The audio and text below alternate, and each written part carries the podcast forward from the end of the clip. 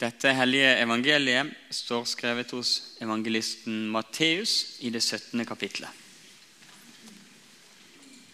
Fra vers 1 til 9. Vi leser i Jesu navn. Seks dager senere tok Jesus med seg Peter, Jakob og hans bror Johannes og førte dem opp på et høyt fjell hvor de var alene. Da ble han forvandlet for øynene på dem. Ansiktet hans skinte som solen, og klærne ble hvite som lyset. Og se, Moses og Elia viste seg for dem og snakket med ham. Da tok Peter til orde og sa til Jesus.: Herre, det er godt at vi er her. Om du vil, skal jeg bygge tre hytter. En til deg, en til Moses og en til Elia. Mens han ennå talte, kom en lysende sky og skygget over dem, og en røst lød fra skyen. Dette er min sønn, den elskede. I ham har jeg min glede. Hør ham. Da disiplene hørte det, kastet de seg ned med ansiktet mot jorden, grepet av stor frykt. Men Jesus gikk bort og rørte ved dem og sa, Reis dere, og vær ikke redde. Og da de løftet blikket, så de ingen andre enn ham, bare Jesus. På veien ned fra fjellet ga Jesus dem dette påbudet. Fortell ikke noen om dette synet før menneskesønnen har stått opp fra de døde. Slik lyder Herrens ord.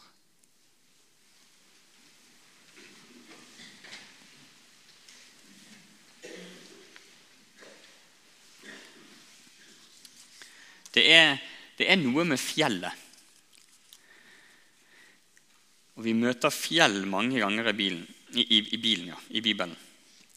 Eh, for en vestlending å komme til eh, Vestfold, så er vi jo ikke særlig imponert. Eh, og de har et fjell, eller de har noe her i Vestfold som de kaller for Slottsfjellet. Men det er jo det er verken et slott og det er ikke noe særlig fjell. Eh, så vi, vi blir ikke veldig, ikke veldig, imponert eller veldig fristet til å måtte tilbringe veldig mye tid på de toppene. Men noen av dere har, eh, har jo vært på fjellet. Eh, sikkert alle sammen på ulike måter. Og det er mange forskjellige måter å gå på fjelltur på. Noen de liker å vandre innover. Noen de liker å gå bratt opp og bratt ned. Og Det er ikke sånn at det ene er mer riktig enn det andre. Men det er en sånn menneskelig opplevelse. sant? At fjellet, det opplever vi som noe mektig. Og kanskje forlokkende for noen. Kanskje foruroligende og farlig for eh, andre. Men så lenge det er et fjell der, så er det noen som vil opp. Sånn har det alltid vært. I Rosendal i, ved Hardangerfjorden der er det et sånt fjell som folk vil opp på. Og Det heter Melderskinn. og Det er 1426 meter. Og så går det nesten rett opp fra fjorden. Fryktelig, fryktelig, fryktelig bratt. De første 1200 meterne. Og så når du har kommet opp 1200 meter og, og, da har du slitt deg opp kanskje i ja, Det tar jo noen timer å, å krabbe den stigningen, så åpner det seg et sånt fantastisk platå. Og du ser en sånn, en sånn åpning, et platå innover. Og da er det helt flatt, og så er det steiner som ligger som sånne myke puter bortover. Og imellom de steinene der er det grønn mose som liksom flettes inn iblant. Og imellom der igjen der renner det en sånn mangefingret bekk. Og det er det eneste stedet med vann på lang, lang, lang tid. Og så kommer du dit, og så ser du det utsynet. Og så kjenner du at, at her er det godt å være.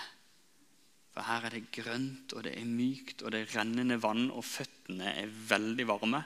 Og Så kan du ta av skoene, og så kan du sitte med føttene i det rennende vannet og hvile. Men så kan ikke du være der så veldig lenge. For du har 200 meter igjen til den toppen. Og det er jo dit du skal. Og alle som kommer til den kaffehåla, heter det oppå der, de hviler, men ikke så lenge, for de skal videre. Og så går du opp til toppen. Og så går du ned igjen. Og så kjenner du en gang til at det er jo her, i denne grønne kaffehåla, det er her det er godt å være. Men så kan du ikke være der så lenge da heller. For du vet at du skal 1200 meter ned igjen til bilen. Og det er en lang og bratt tur, og du kommer til å få vondt i beina, så du kan like gjerne bare sette i gang. Og det er liksom Det er litt av denne Peter-opplevelsen. sant? Han kommer opp på det der fjellet, og så sier han at her er det godt å være. Men uansett hvor godt det er, så er det ikke et blivende sted. Den, den lykkefølelsen som vi kan oppleve av og til, enten det er et sånt hvilested på fjellet, eller det er en annen sånn ordentlig god opplevelse av fred, hvile, glede. Kanskje til og med lovsang i kirken. Så kan vi kjenne at her vil vi være. Men vi vet at det kan vi ikke. Vi kan bare være i det gode en liten stund. For hverdagen den kaller, og hverdagen den, den venter på oss. Så gir det kanskje bare enda større grunn da, til å ta vare på de gode øyeblikkene. Og la de få lov til å være så gode som det de virkelig er. Sånne, sånne møter. Kanskje det som vi kan oppleve som et møte med Gud, eller oppleve som en stille stund med fred. Og så vet vi at de øyeblikkene og de stedene de finnes jo når det plutselig er en mer travel hverdag, eller det plutselig er en mer stormfull del av livet. Så finnes det sånne, sånne kaffehåler. Det finnes steder å hvile. Og det er en oppmuntring.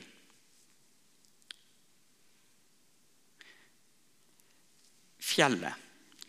Og, og fjellet er en sånn Eh, tematikk eller et, et, element som går igjen i Bibelen hele tiden. Vi møter mange fjell. Og første siden i Bibelen så står det at i begynnelsen så skapte Gud himmelen og jorden. Gud skapte det som er her oppe, det himmelske, og så skapte han det som er her nede, det jordiske. Og Hvis vi tenker oss disse fjellene i Bibelen det er, har en sånn symbolikk, en sånn eh, tanke om at, at, at, når vi kommer oss opp i fjellet, så er vi på en måte nærmere Gud. Fordi vi nærmer oss det himmelske. Og den tanken den er ikke helt eh, Den er jo abstrakt. Sant? Det er jo en metafor. Fordi vi vet at du kommer ikke nærmere Gud om du står på toppen av fjellet. Fordi at salmen 'Jeg løfter opp Eh, jeg løfter mine øyne opp til fjellene. Den stiller jo spørsmål hvor skal min hjelp komme fra. Kommer min hjelp fra fjellet? Nei.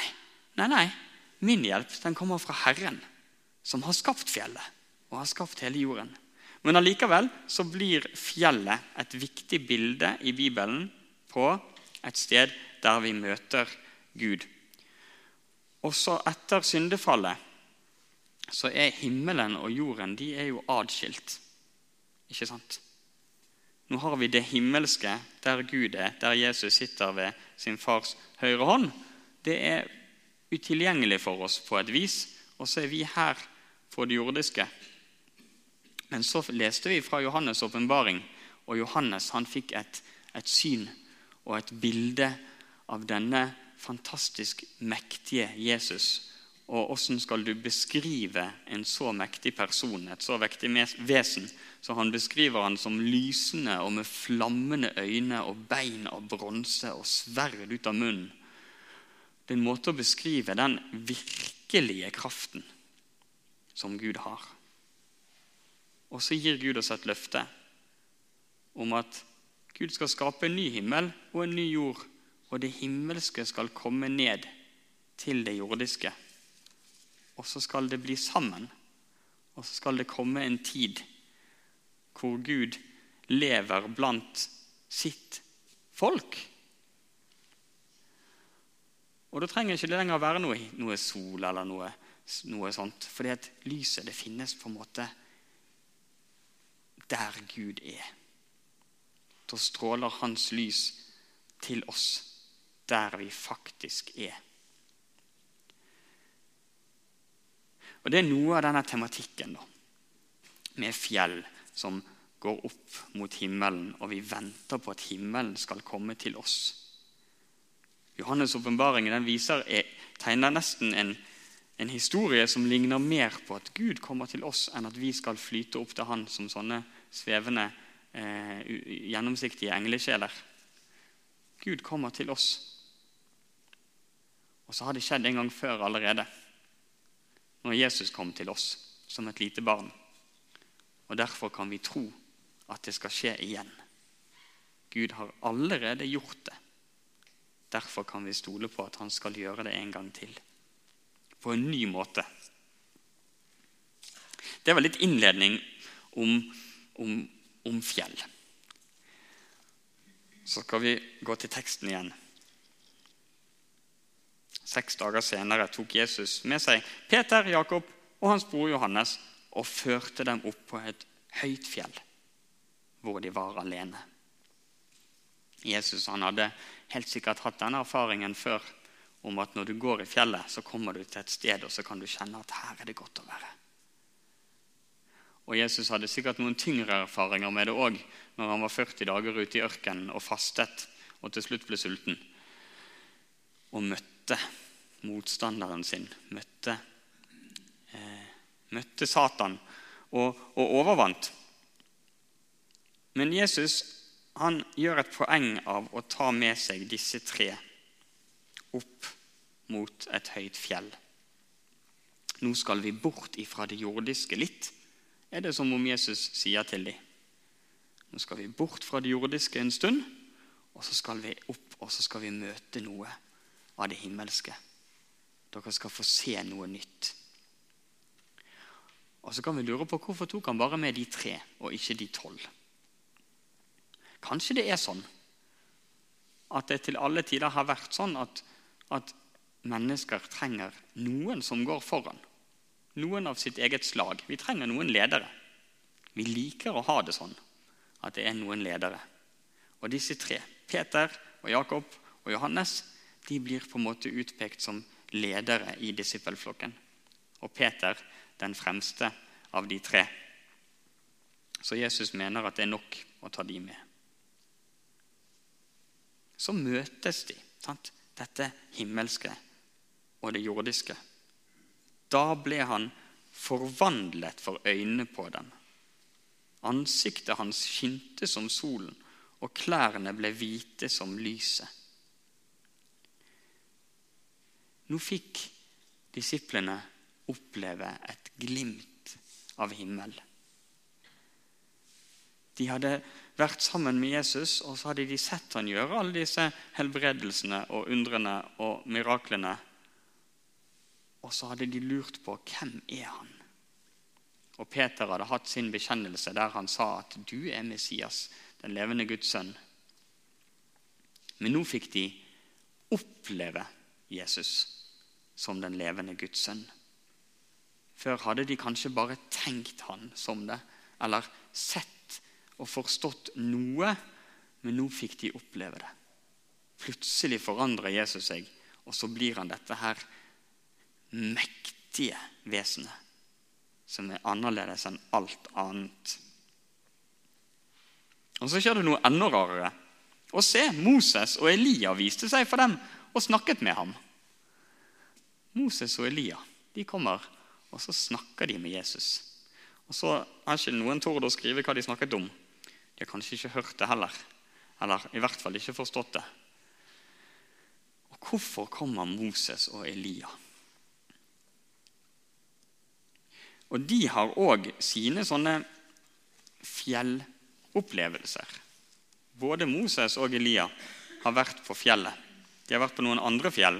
De Var, eh, Moses var på eh, oi, Sinai-fjellet, og, og, Elia var på var det Hermonfjellet, tro. Og Jesus han er kanskje på eh, et annet fjell. De går sur for meg, men det spiller ikke så stor rolle. Det viktige er at, at denne, denne fjellopplevelsen, der det er noe av det himmelske som møter det jordiske, den blir, den blir gjentatt på et vis. Og så er det noen ganger det er litt, For de som leste dette, som Matteus skrev, de kjente Gamle testamentet ut og inn. Og de hadde hele israelshistorien som sin, som sin søndagsskolehistorie. Eh, noe som lå i ryggmargen på dem. Vi mer, kanskje vi har mer Nye testamentet og Jesusfortellingene som vår eh, ryggmargsfortellinger og det som er kjærest og det som er mest kjent for oss. Men for at vi lettere skal forstå hva som skjer i Det nye testamentet, så hjelper det å vite og skjønne noen av tingene som skjer i Gamle testamentet. Så vi hopper inn i Gamle testamentet til en av de gangene Moses var på fjellet. Og det står i andre Mosebok, kapittel 19. Moses gikk opp til Gud. Da ropte Herren til ham fra fjellet. Dette skal du si til Jakobs hus og fortelle til israelittene. Dere har sett hva jeg gjorde med egypterne, og hvordan jeg løftet dere på ørnevinger og bar dere hit til meg. Hvis dere adlyder min røst og holder min pakt, skal dere være mine, min dyrebare eiendom framfor alle andre folk, for hele jorden er min. Dere skal være et kongerike av prester og et hellig folk for meg. Dette er de ordene du skal si til israelittene. Når Moses kommer opp på fjellet og møter Gud, så møter han Guds vilje.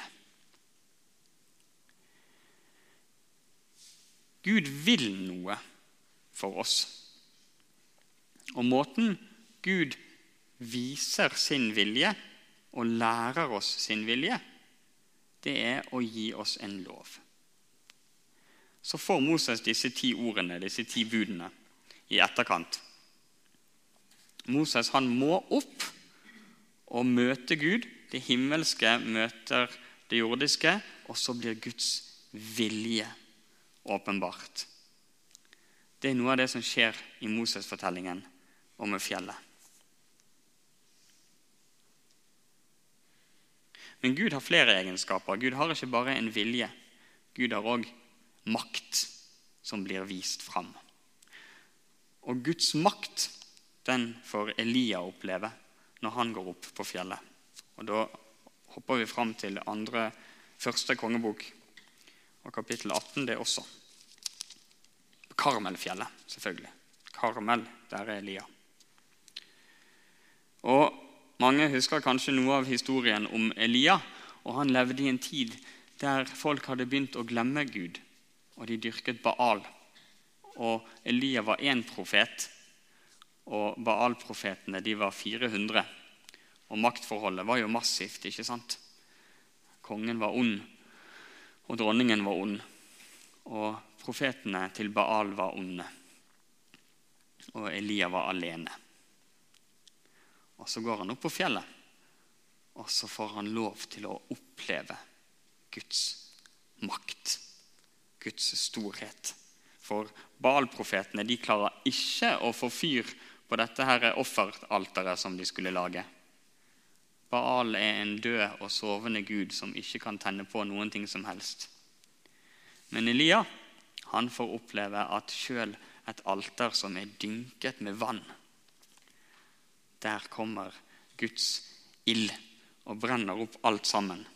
Og så står det om Elia i eh, første kongebok 18, vers 37. Svar meg, Herre. Svar meg, så dette folket skjønner at du, Herre, er Gud, og at du har vendt deres hjerte til deg igjen. Da for Herrens ild ned og fortærte både brennofferet og veden og steinene og jorden og slikket opp vannet som var i grøften. Da folket så det, kastet de seg ned med ansiktet mot jorden og sa:" Herren, han er Gud. Herren, han er Gud. Og så blir Guds makt demonstrert på det fjellet.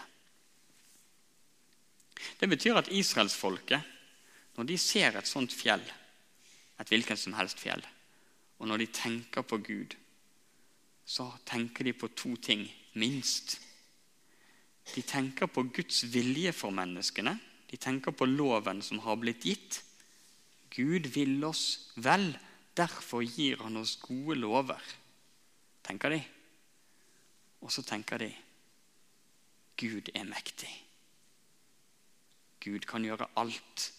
Alle andre guder er døde. Og Gud har sagt du skal ikke ha noen andre guder enn meg. Og det trenger du jo slettes ikke når det er denne mektige guden vi tror på.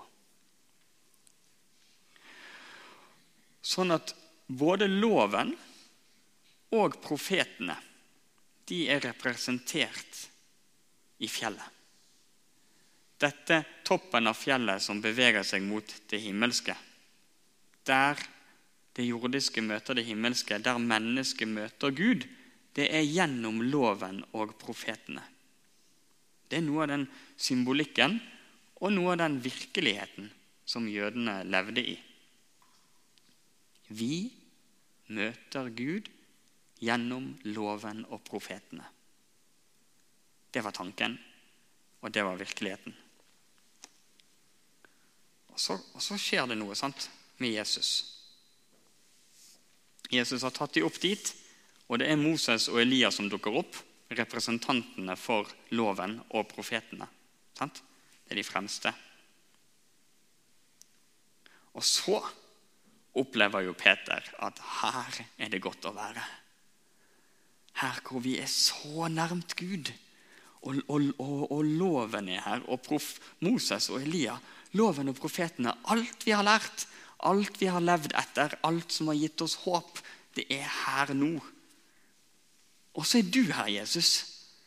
Lysende og skinnende. Fantastisk. Her vil vi være. Og så opplever Peter denne litt sånn kortvarige lykken.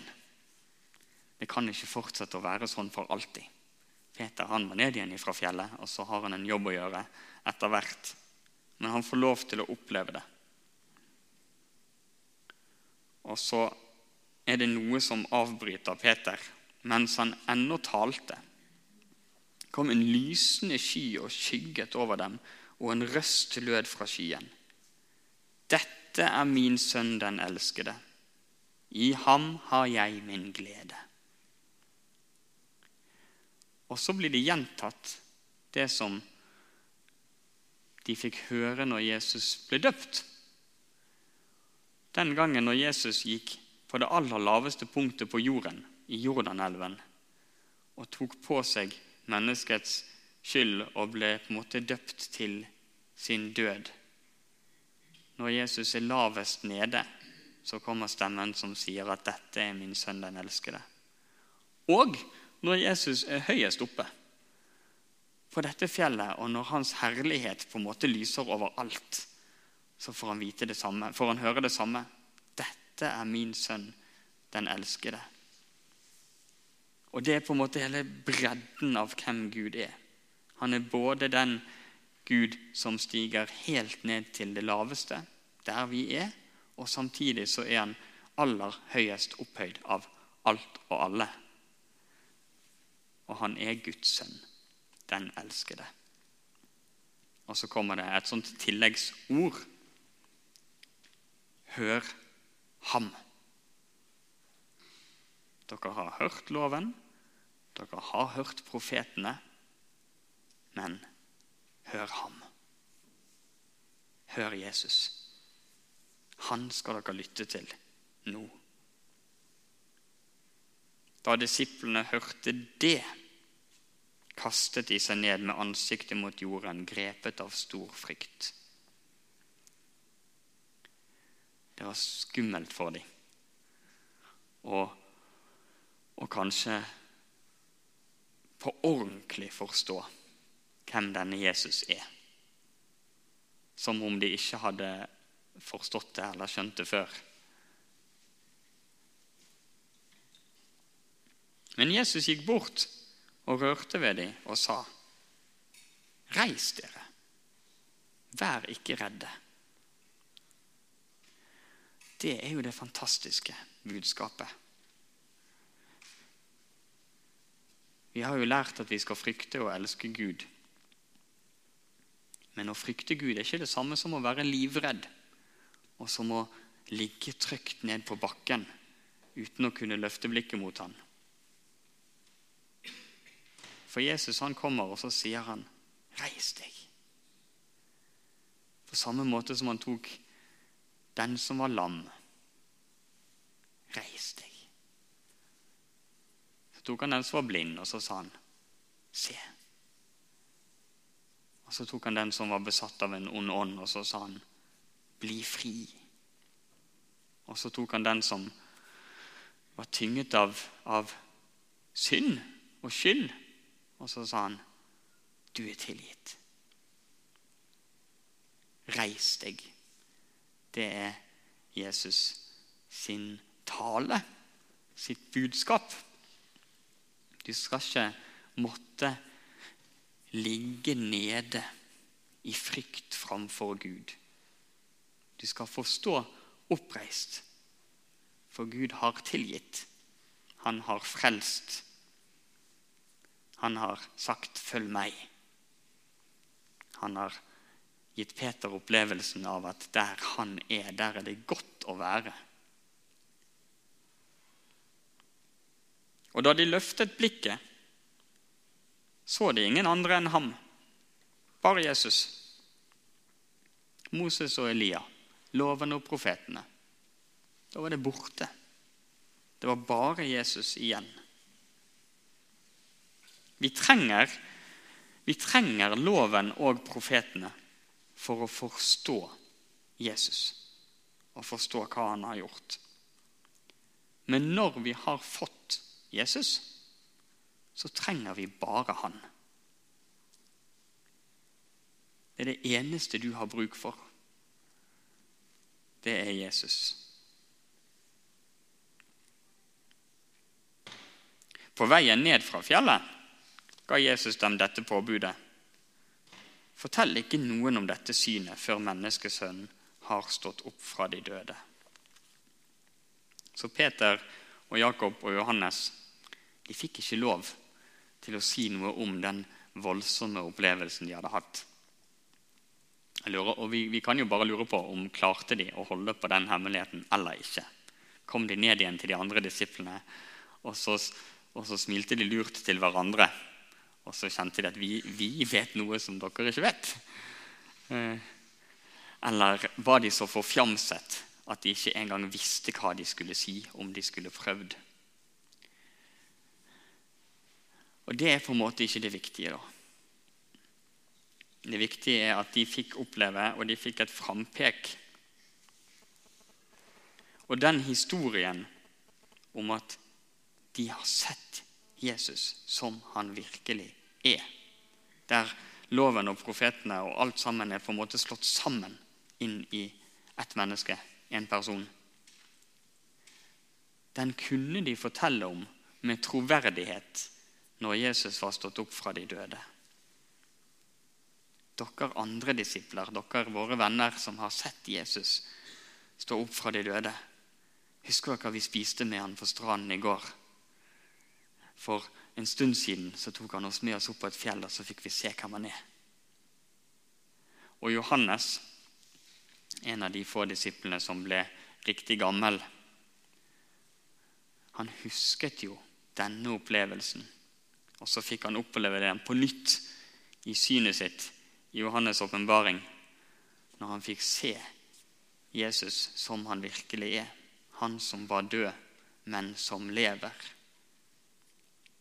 Og Så bruker Johannes alt han kan av ord og beskrivelser til å forklare Guds makt, for at vi skal på en måte få et lite glimt av det. da.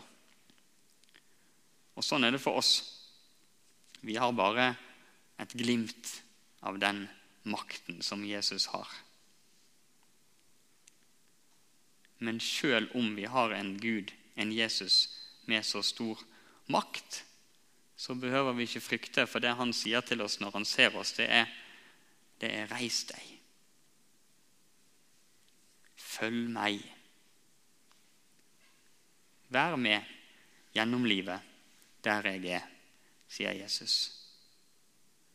Og så kommer det en dag hvor dette himmelske skal møte det jordiske, og vi får være tett, tett, tett sammen med Gud på en måte som vi ikke helt kan klare å forestille oss. Men vi kan tro det, og vi kan glede oss over det, og vi kan vente på det. Og til sist så kan vi òg fortelle om det. For nå er Jesus stått opp igjen, og nå har vi lov til å fortelle. Og nå har vi fått et påbud om å fortelle.